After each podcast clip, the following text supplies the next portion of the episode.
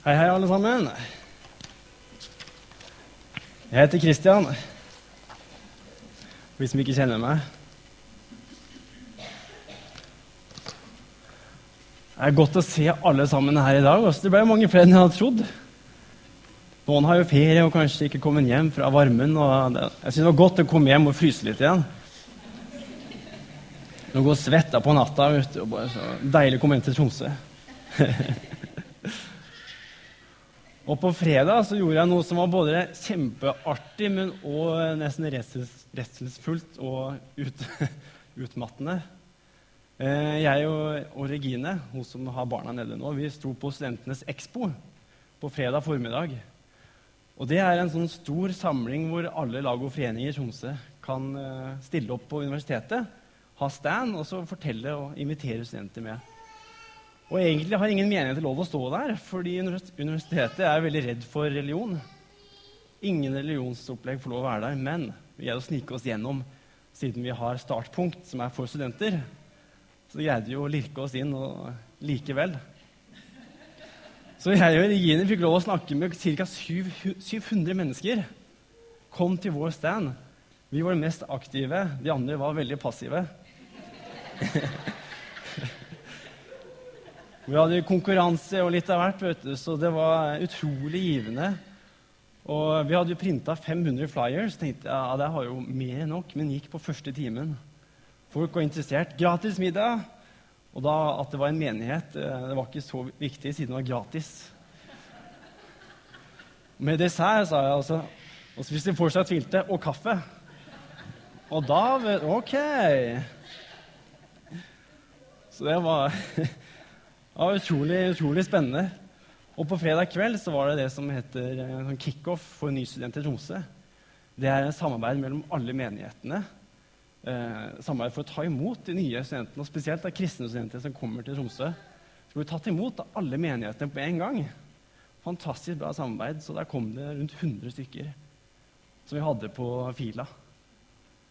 Og kanskje 60 av dem var nye, helt nye folk i byen. Og ikke alle var kristne heller. Det var noen som var søkende. Og det synes jeg det er inspirerende, og jeg håper at vi som menighet bare kan omfavne nye folk, og nye studentene kommer til, til, oss. Så det blir utrolig spennende å se på startpunkt eh, hvor mange som kommer, da, hvor mange nye. Eh, vi kan få lov å bare lede inn i vårt deilige fellesskap. Men eh, nok om det. Nå skal vi starte en taleserie om eh, Guds omsorg. Jeg skal ha den første, så skal Bård Forsdal ha den andre. Og så kommer Øyvind Haraldseid og tar den siste. Så vi skal ha tre, eh, tre taler om, eh, rundt det temaet Guds omsorg. Og Min overskrift er også, når vi ser her, 'Gud er her'. For det har seg sånn I Norge så er vi jo blant de rike, eh, kanskje det rikeste landet i verden. Vi har veldig godt fordelt eh, penger. Nesten alle har et sted å bo.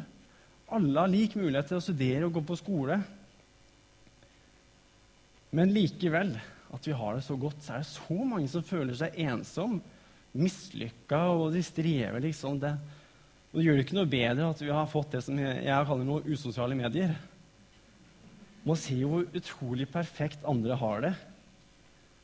Åssen man skal trene. og ja, Alle legger bare ut den beste sida av seg selv. Og det, jeg tror ikke kristne er noe unntak. Jeg legger bare ut toppturbilder, jeg, vet du. Og folk tror jeg er kjempesprek. Men jeg går, jeg går, kanskje fem i året. Så jeg tror vi alle er litt sånn, Det blir nesten litt sånn usosiale medier. Man føler seg ikke så bra. Man kan føle at livet bare blir enda litt mer slitsomt. Alle andre gjør det så bra. Så er det liksom samfunnet peprer oss med åssen vi skal være. Instagram, Facebook og TV og serier og, og alt mulig. Og nå som vi står foran en ny høst, så jeg tror i hvert fall studenter har en litt sånn uh, forventningspress til seg selv da, åssen det skal gå med nye semestre. Og hvis man er helt ny student, så er det jo skrekkslagent å starte på, på universitetet. De første dagene er jo rimelig uh, overveldende. Så man kan føle at man er litt sånn utilstrekkelig. da. Og hvis du har familie og barn, så jo, kan jo hver eneste dag føles helt sånn uoverkommelig ut og strevsom. Men midt oppi det her så For jeg, men jeg tror mange av oss vi glemmer liksom hva, at Gud er her med oss. At Gud er til stede. Og hva Gud har sagt om oss, og hva han syns. For Gud han ser jo på oss fra en helt annet perspektiv enn vi ser på hverandre. Og han ser på oss eh, på en måte som ikke vi greier å forestille oss engang. For Gud er så annerledes. Men han ser jo på oss med sine øyne. Han ser på oss i ren kjærlighet. Og så tror jeg at Gud er her rundt oss, blant oss. Men likevel så jeg syns det er litt irriterende i Fader vår. Vi starter 'Gud for Far, du som er i himmelen'. Jeg skjønner ikke hvorfor Jesus måtte bare putte inn det i starten av Fader vår. Fordi det står jo mange andre steder i Bibelen at Gud er her. Er, Gud er til stede, og Gud er jo overalt. Han er ikke bare i himmelen, men er her også. Så jeg syns Fader vår kunne vært sånn Gud, du som er til stede. Men eh, ja, vi kan ikke endre på Bibelen sånn som vi vil. Det kan vi ikke. Så hvordan er Gud til stede her på jorda blant oss? I Bibelen så står det jo ofte at Gud er en far for oss. og Det syns jeg er et bra bilde på eh, hvordan Gud er. da.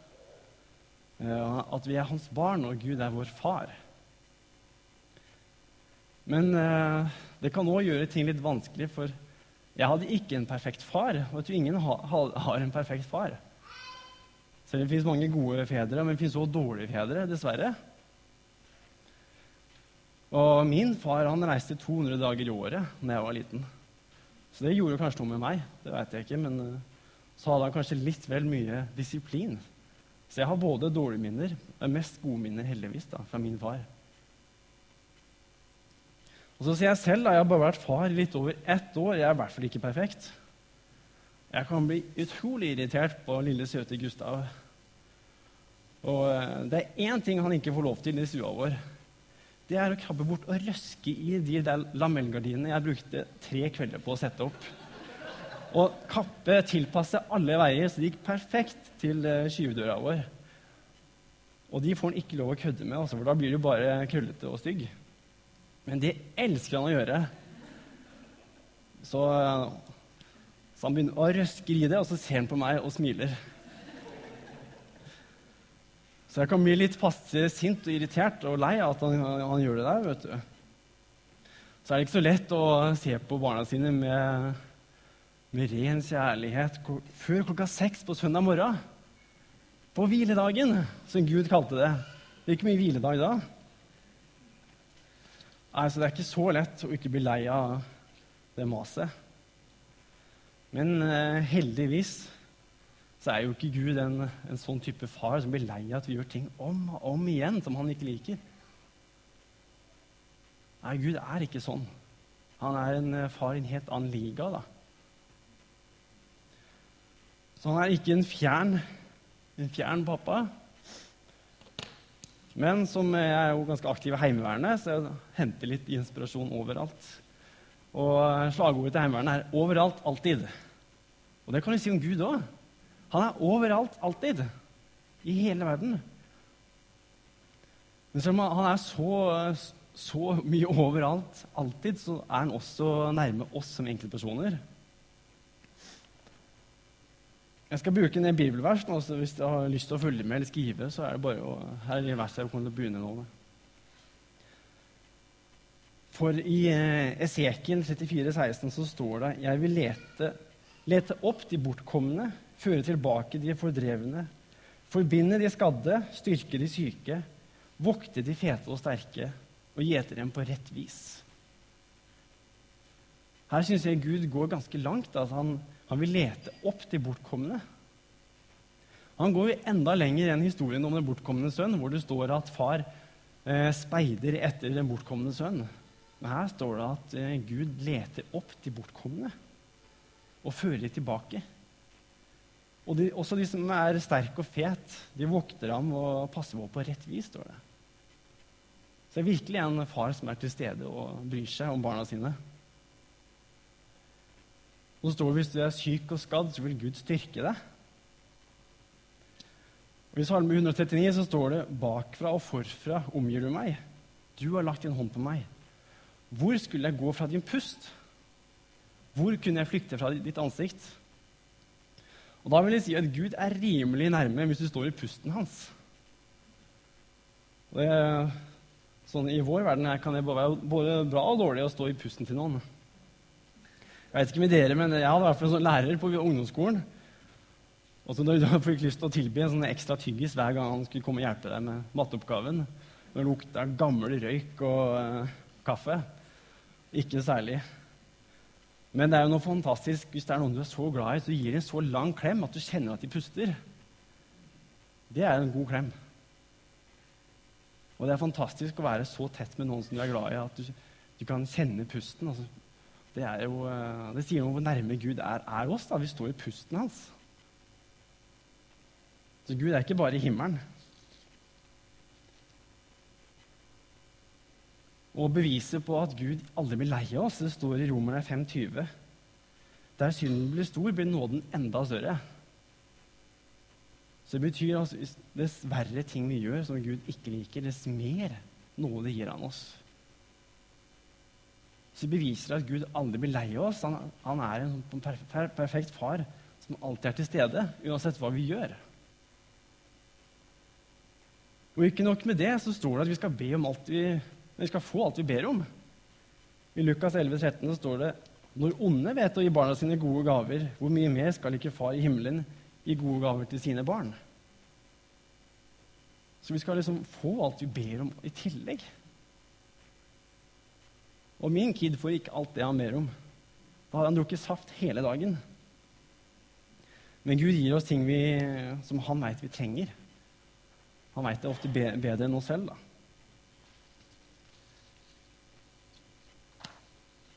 Og I Salme 103 så syns jeg det oppsummerer ganske godt hvem Gud er. da i forhold til oss. Der står det at han, han tilgir all din skyld, leger alle dine sykdommer. Så langt som øst er fra vest, tar han syndene bort fra, bort fra oss. Og som en far er barmhjertig mot sine barn, er Herren barmhjertig mot dem som frykter ham. Så her leser vi da at Gud han passer på oss hele tida. Han er alltid til stede. Han blir aldri lei av oss. Og jeg som har jobba i oljebransjen i noen år, da, jeg hadde det her på startskjermen min i tre år i strekk. Så når jeg skrev den talen her, så kom jeg på én ting. Hands on management. Det er det Gud holder på med. Han er til stede. Og jeg synes, Merkelig nok så passer jo alle de her verdiene innmari godt til Gud. da. Oljebransjen sine verdier. Hands on management, we know our business and get things done. Open and direct dialogue. We encourage early and honest communication. Det er det Gud også ønsker. Tidlig eh, kommunikasjon hvis du sliter med noe. HMS uh, mindset. We take personal responsibility for HSA because we care. Og Gud bryr seg. Og people and teams. All major achievements are done in team efforts. Det er jo veldig merkelig skulle nesten tro at oljebransjen var inspirert av Gud. Så Gud er eh, hands on i våre liv.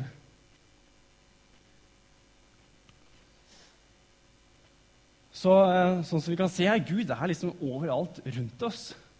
Han er til stede. Men så langt i alt det jeg har sagt, så kunne det både sittet muslimer og jøder her og vært helt enige. For åssen får vi Gud på innsida? Er, jeg syns det er kanskje lettere å tenke at Gud er alltid med meg, men jeg syns det er tungt å få han liksom eh, inn på innsida og få tillit til Gud. Da må vi dykke enda lenger ned. Så Gud er overalt rundt oss, men åssen får vi ham på innsida?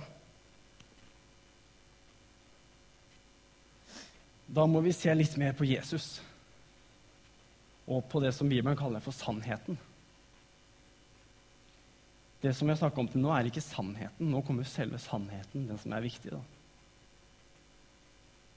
I Feserne 1,4 står det at i Kristus utvalgte han oss, før verdens grunnvoll ble lagt, til å stå for hans ansikt hellige og uten feil i kjærlighet. Så gjennom sannheten om Jesus er vi hellige og uten feil. Det er inni oss. At vi er hellige og helt uten feil.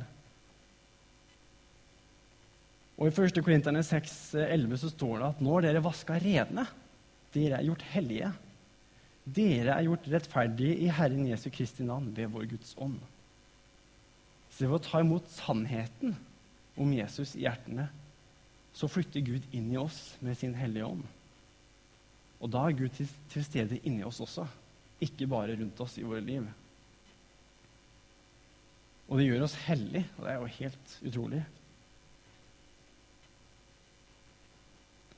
Paulus han uh, sier en del ting som han gjentar nesten til alle menighetene han besøkte. Og Jeg tror uh, det poenget hans også kan brukes som omtrent alle menigheter fortsatt. For han har veldig stort fokus på, på det her, som det står i 1. Korinterne 2. Jeg vil ikke se noen annen enn Jesus Kristus død oppstanden hos dere. Han sier du skal ikke blande inn noe som helst annet enn Jesus Kristus død oppstanden for våre synder. Det er det som er sannheten. Det er det som er sannheten som vi, vi må ha tillit til og fylle vår, vårt hjerte med. Og det tror jeg er veldig viktig.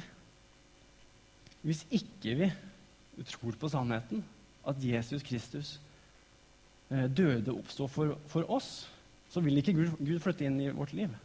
Det vil han ikke. Det må skje, så vi blir gjort hellige, og så kommer Guds ånd inn i, inn i våre liv. Men det er heldigvis ikke noe vi må gjøre for at dette skal skje. Vi må bare ta imot det Gud har for oss, og så må vi tro på det. Stole på det. Og I Romerne 5 så står det at Guds kjærlighet er utøst i våre hjerter.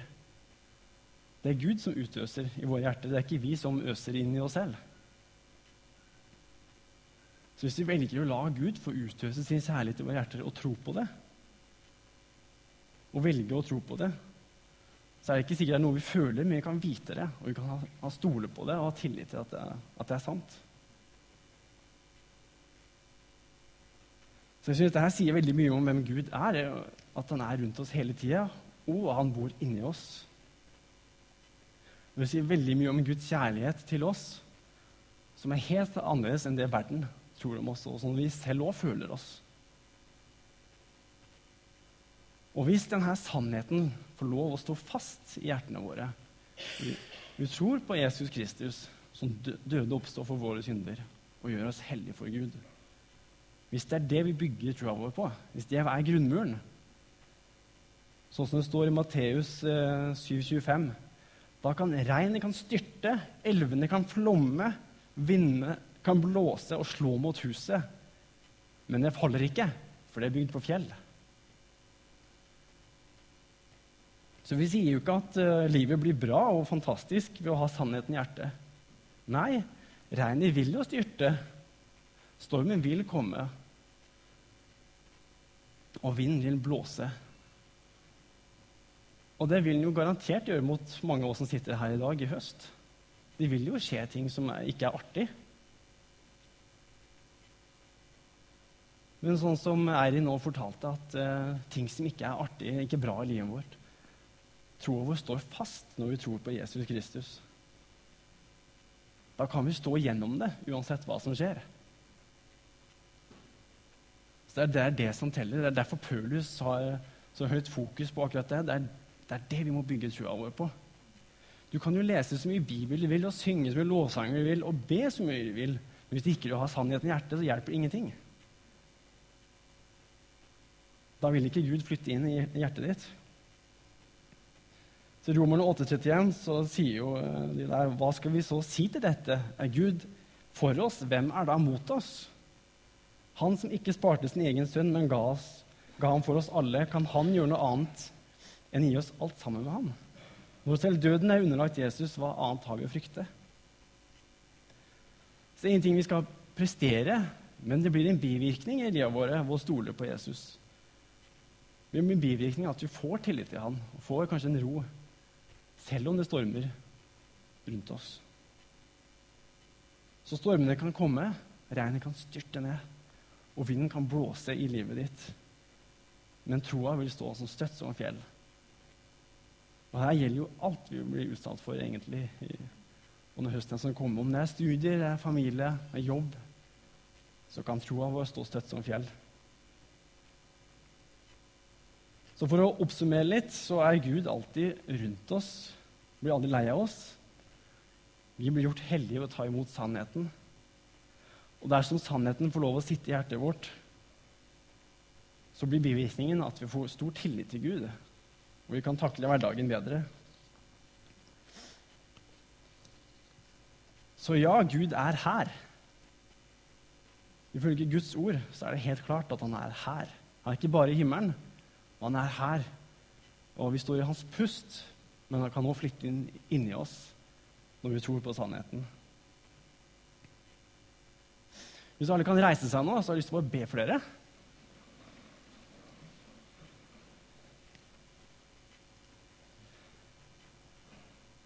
Kjære Jesus, la sannheten om din døde oppstandelse for våre synder leve inn i hjertene våre. La det bli en visshet og virkelighet i vår hverdag og i møte med alle situasjoner, både negative og positive. La din sannhet få leve i oss uansett hva vi går gjennom. Og takk, Jesus, for at uh, du elsker oss så høyt at du døde på korset for oss. Takk for at din ånd lever i oss når vi tror på sannheten. Amen i Jesu navn.